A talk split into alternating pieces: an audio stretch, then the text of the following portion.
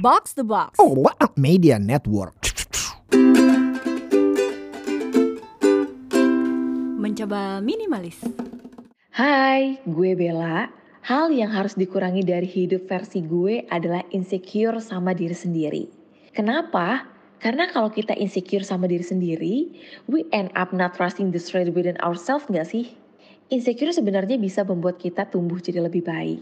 Tapi insecure yang berlebihan, terkadang bisa bikin kita mempertanyakan siapa sih diri kita yang sebenarnya? So, menurut gue, rasa insecure ini memang harus dihilangkan supaya kamu bisa memandang hal positif terhadap diri dan tentunya membuat kamu jadi bisa lebih bermakna. Kamu setuju gak sih tentang ini? Setuju kan? Mencoba minimalis mengurangi yang nggak perlu lebih dari sekedar beberes. Ada Avo di sini, ada Puri juga. Kita udah masuk ke episode 200 plus. Yes. Wuh, fist bump dulu dong. Gila, gila, gila. Direkam langsung di studio Box to Box yang baru. Ya. Harus pakai yang baru. Betul, perdana nih kita nyobain ya. Di hari libur makanya bisa kumpul. Ya. Ini gue mau throwback. Kita tuh bikin bebikinan gini 2019 akhir kalau nggak Akhir, salah ya. Awal 2020 lah ya. Gila ya di sini di sinilah bukti untuk menjadi konsisten aja. Ya. Ini cuman konsisten dulu, belum terkenal, belum Yes. dapet duit ya. Yes. Tiga tahun bu. Asli. Untuk bener-bener bisa dari mulai yang dengerin cuma puluhan, ratusan gitu kan. Sampai sekarang Alhamdulillah udah belasan ribu ya Pur ya. Ratus ribu loh. Wah, ya, ratus ribu, ratus ribu, ribu. loh. Alhamdulillah Iya, iya. loh. Ya walaupun jangan sombong. Ngaca sana sama Betul. podcast ancur Iya. gitu kan. Gak berani gue. Analyticsnya gue nyembah gue. Ngeri, ngeri, mohon ngeri. maaf, mohon maaf. Shout out buat ya. teman-teman podcast hancur. Ya shout out uh, Dias Danar segera kita akan bikin uh, Fatherless Nation episode sama Babang Avo nanti ya. Yes. Tapi gini, ini juga gara-gara Avo sama gue oh ya 200 plus ya gitu. Kita bikin apa dong? Bikin apa? Terus kan Iya. uh, studio box to box baru kan. Ah, ah. Kita bikin yuk episode spesial 212. Kita memberi makna yang baru ya terhadap angka 212 gitu. Jadi ini bisa jadi episode reunian bisa, bisa jadi episode kumpul-kumpul bisa ya kan gitu. Tapi tentunya sama temen sih ya, bukan sama geng yang lain gitu. Ketemunya di depan Monas apa apa mau demo Coldplay? Kayaknya asik kan yang kedua tuh nyonyong bareng ya kan di luar GBK. Gerakan ditolak beli Betul. tiket gitu. Soalnya Iya. ya bisa lah ya jadi sekalian apa syukuran gitu bagi-bagi hadiah gitu buat Iya. temen yang selalu setia dengerin bacotannya kita berdua. Iya, makasih ya. Kan sekarang eh, maksudnya semoga kita udah lebih nyaman ketemu langsung. Iya. Kita mau open house nih. Yes. Eh, ya, doain aja. Kalau udah ada mulai, oke. Kalau open house, gue pengen ada ini, request, request, request ada apa? Request aja pokoknya. Request aja. Request aja. Ya, tapi- bisa bisa enggaknya ya nanti Makanya kita tergantung usahakan. yayasan Ah. dompet Avo. Yes. ya, oke. Jadi kalau tertarik, gue tunggu sekali DM-nya. Ya. Kira-kira mau ngapain? Betul. Ya. Langsung aja DM ke mencoba minimalis. Yes. Di situ eh, kira-kira kalau misalnya temen mau ngumpul gitu kan, mau ngumpul di mana? Terus ngumpulnya nih mau bahas apa nih? Yes, nanti Babang Avo bisa kasih eh, beatbox 24 jam. Kan alias suka, eh, alias di looping. Lu biar dapat muri bang. Datangin nama Jaya Suprana. Iya. Yang ketawa angkatan lama deh, Asli. yakin gue. Asli. Ya kan. Eh gak apa-apa, mari kita pikirkan. Yang penting ide dulu sekarang, ya Iya. kan. Uh, Sampai tadi lupa mau bilang thank you Bella, Thank you, shout Bella. out Shout dulu out buat dong. Tadi udah kirim voice note-nya. Yes. Eh, mengingatkan mengurangi yang gak perlu versi Bella adalah mengurangi insecure berlebihan. Gila, gila, gila. Gue tos dulu dong. Itu tuh. Tos dulu dong. Insecure gak punya duit, tuh insecure gue. Aging, Yes. Ya kan? Aging gracefully. Aging. Semoga graceful. Semoga Semoga graceful. kayak Michelle Yeoh. Ya kan? gitu. Ya, tapi juga apa sesuatu yang berlebihan emang nggak baik ya maksudnya Ya. insecure berlebihan juga nggak baik. Betul. Gitu. Kelebihan duit mungkin beda kali ya. Kalau duitnya yang berlebih gitu beda kali ya. Banyak permasalahan yang bisa dijawab dengan duit gitu. Iya Yes. Tapi balik lagi ke soal duit. By the way kemarin ada teman kita Kemal Gembot. Kalian kenapa sih ini sekarang episode sekarang selalu ngomongin duit dan cuan? Karena kami butuh yes. gitu ya. Betul. Eh, eh. Bukan mau. Kami butuh. udah terlalu banyak cerita startup layoff. Ini ada lagi gelombang berikutnya yang udah mulai Iya. berseliweran di DM-nya MM gitu ya. Gue gak usah sebut startup yang mana. Cuman kayak udah deh mengelola keuangan nih balik lagi nih ya. Emang bukan jadi eh, bahasan bahkan hal yang mudah untuk kita kelola Iya. dan akhirnya bisa jadi beban emosi dan gue baru menemukan eh, satu buzzword ini trauma finansial. Uduh. Eta ada. Nih Temins begitu denger kayaknya langsung tuh wah berkelibat di Saya enggak di, ya. di enggak ya, gitu. ya kan? Karena kata trauma itu sendiri kan sering kali kita eh, samakan atau dianalogikan dengan pengalaman masa kecil dulu Iya. eh, yang ke bawah sampai masa dewasa. Iya. Nah, sekarang ketika ini trauma finansial berarti Nah. ada pola-pola yang hanya itu yang kita pahami Yes. soal duit dari kecil sampai gede. Yes, Hmm. itu tuh.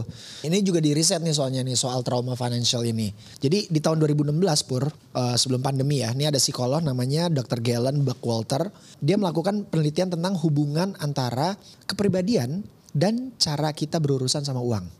Eh, jadi kira-kira pribadinya Pak Abu Rizal Bakri itu gimana ya relasinya ya dengan gue pengen tahu itu pundi-pundi uangnya sama gitu ya keluarga kan? Hartono. Yes.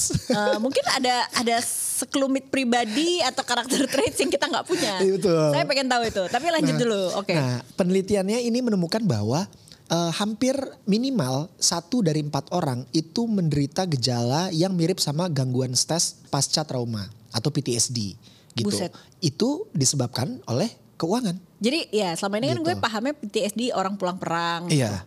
Enggak, tapi urusan keuangan juga bisa bikin kita PTSD. Betul gitu. Jadi orang-orang yang biasanya mengalami eh, gejala trauma finansial itu menunjukkan perilaku yang destruktif seputar keuangan gitu. Destruktif ini bukan berarti duitnya dibakar gitu ya atau disobek-sobek gitu Itu ya. banyak duit. itu banyak duit itu mungkin gitu. Tapi ya mereka either itu spending eh, uang Ya, ya. untuk hal-hal yang gak pugu gitu Ya, ya. atau eh, mencari uang dengan cara-cara yang nggak beres gitu Hmm, ya kan atau eh, ya mereka simply either itu menjadi beban finansial buat orang di sekeliling gitu atau ya merekanya yang simply mindsetnya korslet aja gitu soal duit. Nah gitu. ini soalnya kan balik lagi. Kenapa financial trauma ini kejadian di saat dewasa banyak faktor. Iya. Faktornya macam-macam. Setuju gue. Kayak PTSD. Pas gue tadi mikir, oh, oke orang pulang perang PTSD. Kita kena PTSD uang karena apa? Kehilangan pekerjaan. Banyak utang. Yes. Cerai. Asli. Gak usah dibahas lagi itu ya. Iya. Harta gono gini. Kalau lu menjadi penafkah utama dalam keluarga. Mau itu tuh laki atau perempuan. Kalau lu gak ada prenup. Itu habis duit lu diskon 50%. Asli. Auto diskon tuh auto ya. diskon. Iya, bener, Terus nanti bener. lu gajian, ini kalau di BUMN ya, lu cerai, itu lu dengan otomatis misalnya udah ketok palu, itu berapa persennya udah langsung ditransfer ke significant Rekening. other lo. Oh, gitu. oke. Nggak bisa lo kayak nanti ya gue transfer segini aja. Gak Iya. bisa coy. Gak bisa. Kena tipu. Wah, kena ini tipu nih, ini usaha. banyak yang trauma tuh pasti Iya kan, tuh. Benar, benar, Ah, ah, benar. gitu dan apa? Ketika misalnya kita juga jadi anak ngelihat kita punya orang tua misalnya mengalami hal-hal tersebut yang tadi gue sebutin, bisa kena Ke trauma embed juga. itu, benar, Iya. ke install itu traumanya. Iya iya. Jadi ya keadaan orang tua kita, cara mereka ngelola duit gitu kan, cara mereka eh, menghadapi prahara yang ada hubungannya sama duit, ya itu ya pastilah ngaruh ke kita sebagai anak dalam memandang soal eh, uang dan kebawa tuh sampai kita gede akhirnya. Tapi yang menarik kalau tadi kan contoh-contoh sedih ya. Ternyata menjadi seorang people pleaser juga ada efeknya juga ya kepada finansial atau trauma. Oh, Oke ya ya ya. So, ya soalnya orang nggak bisa dipungkiri ya. Kadang people pleaser ini kan selalu berusaha menyenangkan orang lain Hmm. ya lewat uang dengan uang gitu. Tapi akhirnya kok boncos ya gua gitu. gue mau nyenengin orang, orangnya sih happy mungkin ya. Tapi kok gue jadi nggak happy ya gitu. Iya, iya, Dan ya karena nggak bisa dipungkiri sih sebagian orang atau mungkin banyak orang di luar sana memang masih ngelihat uang itu sebagai power gitu. Jadi, oh iya dong. Iya kan, jadi ada ada unsur kekuasaan di situ, ada Yes. unsur eh, jaminan hidup gitu di situ dan penanda eh, bahwa kita sukses. Itu gitu. eh, yang oh kalau makan sama Avo pasti sekarang dibayarin terus Yes. gitu. Pasti kerjaannya luar biasa ya, dibayarnya pakai USD mungkin gitu. Padahal si Avonya bisa jadi ya ya people pleaser gitu kan dan ketika dilihat nominal gejongnya kayak hah lu income segini berani nraktir orang segini nih Eh gitu jangan sedih kayak. banyak yang kayak gitu. Apalagi kalau dalam settingan ke klub, ke lounge lagi mimi-mimi iya. Eh, bukan anggur orang tua lagi. Bukan, bukan wine ya, parent. Bukan wine parent yang disajikan. Terus yang kayak udah sama gue aja, sama gue aja. Banyak tuh yang tiba-tiba kayak gitu. Iya ya. Kayak dari mulai traktir di restoran terus ngasih apa, oleh-oleh atau bebendan mahal gitu ke Ya. dulur atau saudara atau temen ya sesekali boleh lah gitu ya. Tapi kalau keseringan kan ya. Ya, Anda kan juga perlu eh, bayar bensin ya buat naik mobil ya atau naik motor gitu. Nah sekarang gini aja deh, disclaimer, gue sama Avo bukan psikolog, Ya. tapi dengan ini kita lagi lihat eh, seperti biasa, semua yang kita baca akan taruh di description episode. Ya. Ini adalah beberapa yang bisa kita refleksikan gitu ya, kayak tanda-tanda apakah gue punya kecenderungan ini yang bisa dimaknai sebagai trauma finansial. Yes. Nomor satu, Ya. apakah lo menghindari segala topik keuangan, soal pendapatan, soal cicilan, bahkan baru ngelihat amplop dikirim dari P2P lending Yes. masuk ke rumah, langsung cemas. Terus efeknya, eh percayalah ya, gue nggak nggak separah itu sih, cuman kayak tagihan kartu kredit aja ya. Ada suatu masa gue tuh kayak males bukanya, Iya benar. ya kan? Benar. Males bukanya karena males dihadapi dong. Benar benar benar.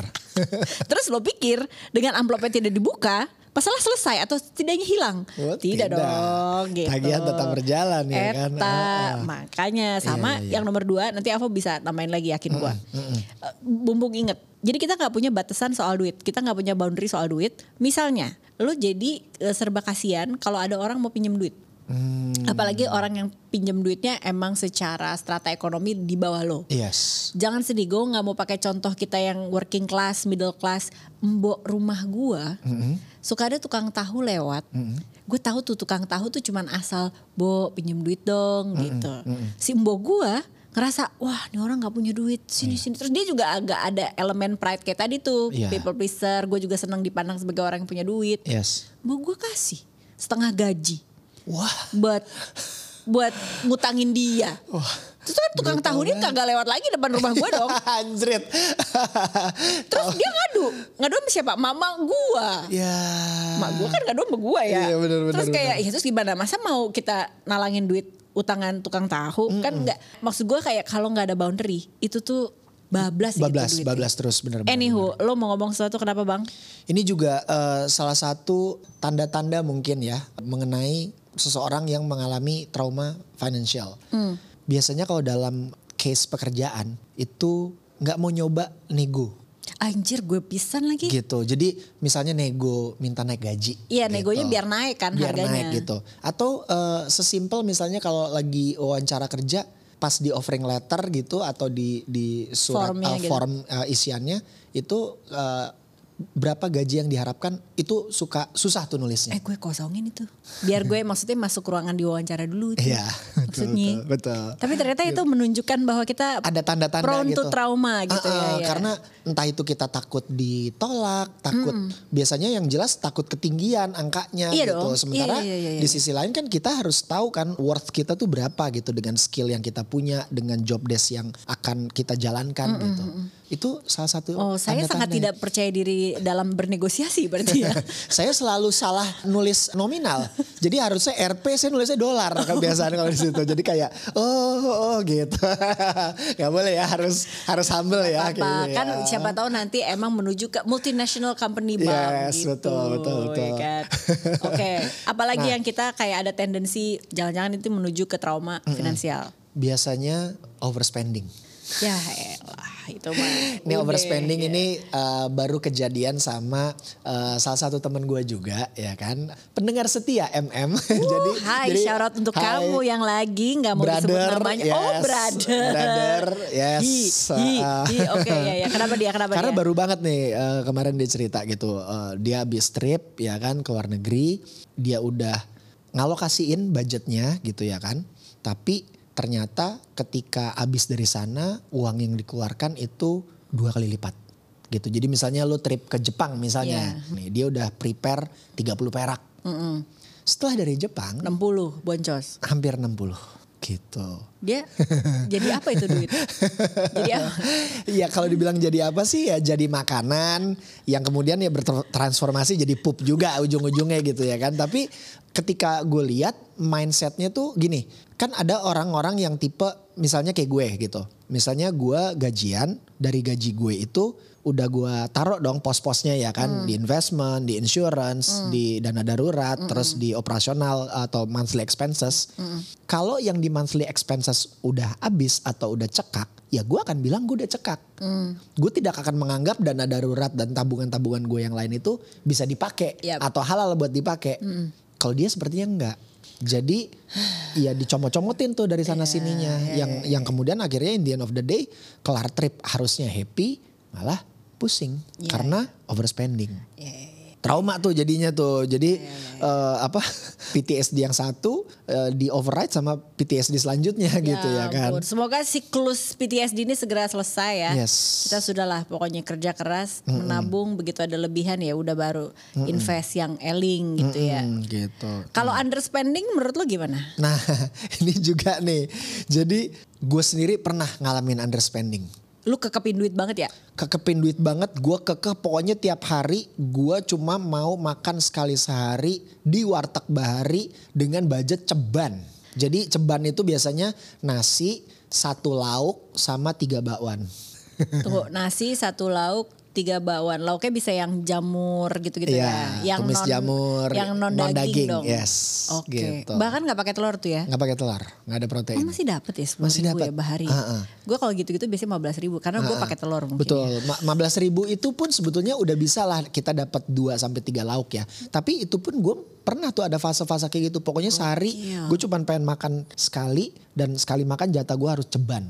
Karena gue worry ini worry itu kayak gitu-gitu. gitu. Kayaknya gue lagi prone ke situ sekarang nih. Gue karena melihat ya teman-teman gue banyak yang kena layoff. Gue yang kayak jangan ada gile-gilenya lu pur.